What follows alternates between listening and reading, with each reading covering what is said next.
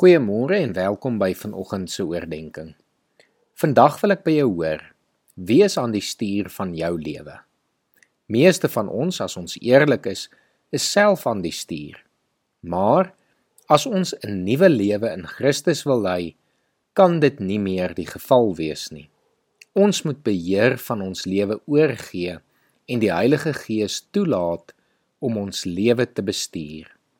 Vanoggend lees ek vir ons Galasiërs 5 vers 13 tot 26 voor wat hierdie vir ons baie mooi beskryf. Julle is tot vryheid geroep. Moet net nie julle vryheid misbruik as 'n verskoning om sonde te doen nie, maar dien mekaar in liefde. Die hele wet word in hierdie een gebod saamgevat. Jy moet jou naaste lief hê soos jouself. Maar julle buiten verskeer mekaar. Pas op dat julle mekaar nie later heeltemal verslind nie. Wat ek bedoel is dit: Laat julle lewe steeds deur die Gees van God beheers word, dan sal julle nooit soog voor begeertes van julle sondige natuur nie. Wat ons sondige natuur begeer is in stryd met wat die Gees wil en wat die Gees wil is in stryd met wat ons sondige natuur begeer. Hierdie twee staan lynreg teenoor mekaar en daarom kan julle nie doen wat julle graag wil nie. Maar as julle julle deur die Gees laat lei, staan julle nie meer onder die wet nie. Die praktyke van die sondige natuur is algemeen bekend. Onsedelikheid, onreinheid, losbandigheid, afgodsdiens, towery, vyandskap, haat, naaiwer, woede, risies, verdeeldheid, skeuring, afguns, dronkenskap, uitspattigheid en al dergelike dinge. Ek waarsku julle soos ek julle vroeër gewaarsku het, wie om aan sulke dinge skuldig maak, sal nie die koninkryk van God as erfenis verkry nie.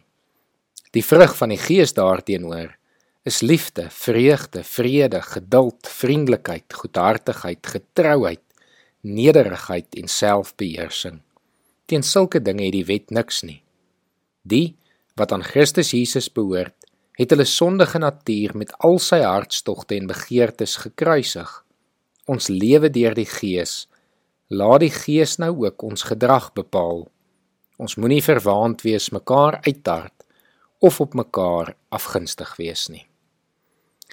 Die nuwe mens is die mens wat deur die Gees nuutgebore word en gevorm word om God se vrugte te kan dra.